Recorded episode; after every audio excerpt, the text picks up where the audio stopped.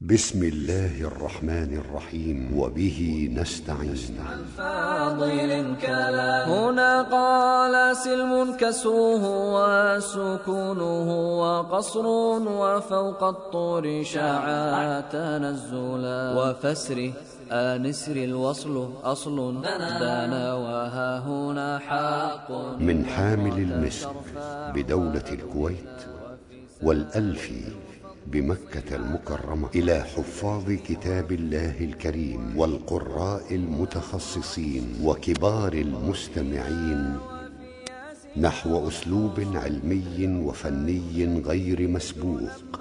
نقدم أشرف العلوم. وأبلغ الشعر وأرقى القصائد. حرز الأمان ووجه التهاني المشهورة بالشاطبية. الشاطبية وسميتها حرز الأمان تيمنا ووجه التهاني فهنه متقبلا. للإمام القاسم بن فر بن خلف بن أحمد الرعيني الشاطبي الأندلسي.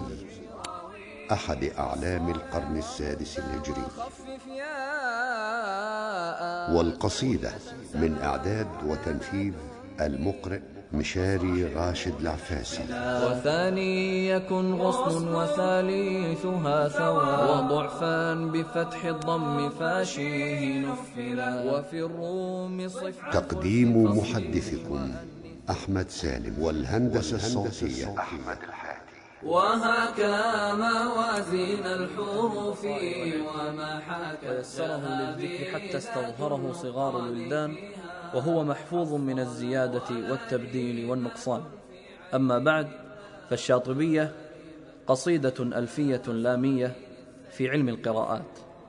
جمعت ما تواتر عن القراء السبعة نافع وابن كثير وأبي عمرو وابن عامر وعاصم وحمزة والكسائي وابن عامر أحد القراء السبعة ولد قبل وفاة النبي صلى الله عليه وسلم بسنتين.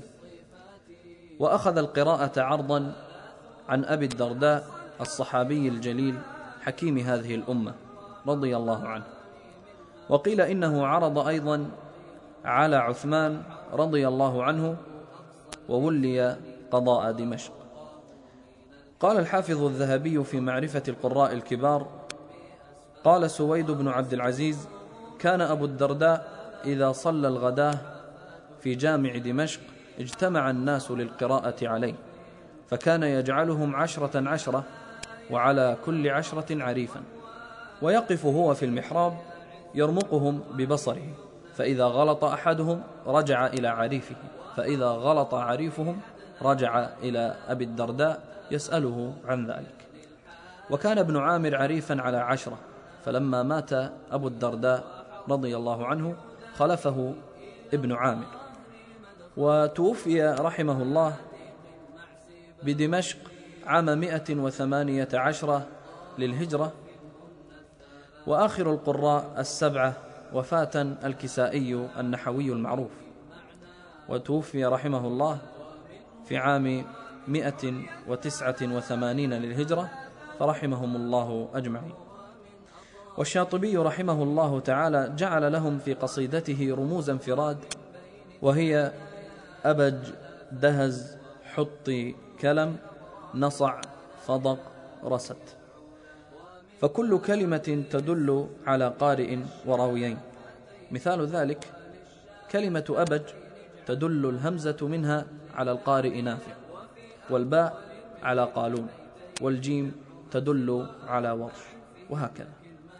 فرموز الانفراد حرف يدل على قارئ أو راوي أما رموز الاجتماع فهي الثاء والخاء والذال والضاء والغين والشين وصحبة وصحاب وعم وسمى وحق ونفر وحرمي وحصن.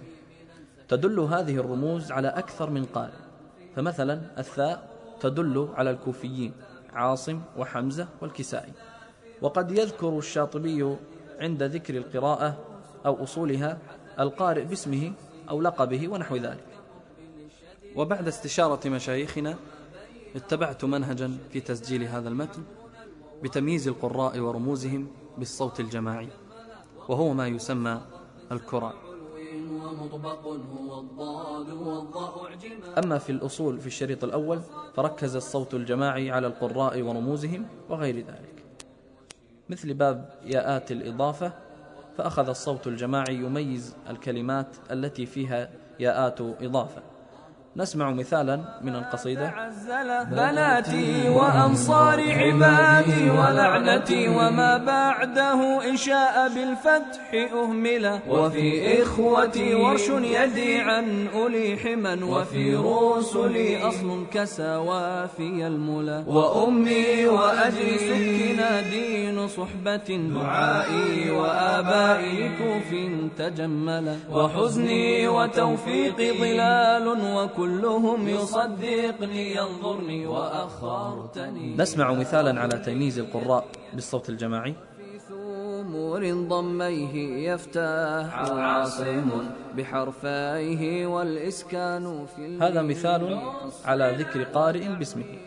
نأخذ مثالا آخر على ذكر رموز القراء منفردين. خشب سكون الضم زاد رضا الرمز هنا زاد رضا حلا. فالحرف الأول من هذه الكلمات هو الرمز. فالزاي تدل على قنبل والراء تدل على الكسائي والحاء تدل على أبي عمرو. ونسمع الآن مثالا أخيرا على رموز القراء مجتمعين. وحق صحاب ضم نسقيكم معا الرمز هنا حق صحاب. فحق تدل على ابن كثير وأبي عمرو وصحاب تدل على حمزة والكسائي وحفص. فهكذا الحال في النظم فهو يشتمل على كلمات قرآنية ورموز لقراء مثل قول الشاطبي ومالك يوم الدين راويه ناصر. فالرمز هنا الراء من كلمة راويه التي ترمز للكسائي والنون من كلمة ناصر التي ترمز لعاصم. إذا القراءة بمالك للكساء وعاصم وبقية القراء يقرؤون ملك يوم الدين. وكذا اشتملت الشاطبية على معان وأسرار بلاغية حتى قال الشاطبي رحمه الله لو كان في أصحابي خير أو بركة لاستنبطوا من قصيدتي هذه ما لم يخطر ببالي وقيل إنه يستنبط منها إثنى عشر علما فكان أول من شرحها تلميذه أبو الحسن السخاوي رحمه الله. قال ابن الجزري رحمه الله كان الشاطبي أعجوبة في الذكاء آية من آيات الله مواظبا على السنة وقال بلغنا أنه ولد أعمى. وقال ابن خلكان رحمه الله كان إذا قرئ عليه صحيح البخاري ومسلم والموطأ تصحح النسخ من حفظه رحمه الله. وكان يجتنب فضول الكلام ولا ينطق في سائر أوقاته إلا بما تدعو إليه ضرورة ولا يجلس للإقراء إلا على طهارة. وقال ابن كثير رحمه الله كان دينا خاشعا ناسكا كثير الوقار لا يتكلم فيما لا يعني. وقال الحافظ الذهبي رحمه الله واستوطن مصر واشتهر اسمه وبعد صيته وقصده الطلب من النواحي وكان إماما علامة ذكيا كثير الفنون منقطع القرين رأسا في القراءات حافظا للحديث بصيرا بالعربية واسع العلم وقد سارت الركبان بقصيدته وحفظها خلق لا يحصون وخضع لها فحول الشعراء وكبار البلغاء وحذاق القراء ولقد أودع وأوجز وسهل الصعب. انتهى. وقد أنشد بعضهم فيه فقال لله در الشاطبي الذي أهدى لنا الدر بنظم غلا. قصيدة جلت عن الشعر بل عروس حسن قد غدت تجتلى. حرز الأماني أحرزت للمنى وجه التهاني فهنها متقبلا. يقول من ذاق جنى شهدها لله ما أعذب ما أنهلا. أعجوبة تعجب كل الورى لكنها تعجز كل الملا. تكاد تعد له آية تعجز من قد رام أو مثلا. فلو يشاء مبتكر مثلها قالت قوافيها الكل لا. ومن تأليفه قصيدة دالية من حفظها أحاط علما بكتاب التمهيد لابن عبد البر رحمه الله. وقد طاف حول الكعبة كثيرا وهو يدعو لمن يقرأها فيقول اللهم فاطر السماوات والأرض عالم الغيب والشهادة رب هذا البيت العظيم انفع بها كل من يقرأها وختاما نسأل الله عز وجل أن ينفعنا بهذا العمل وأن يبارك فيه ويجعله خالصا لوجهه الكريم. أخوكم مشاري راشد العفاسي.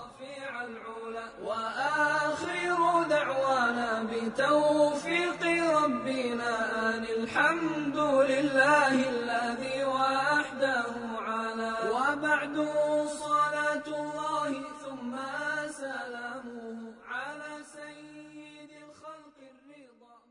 على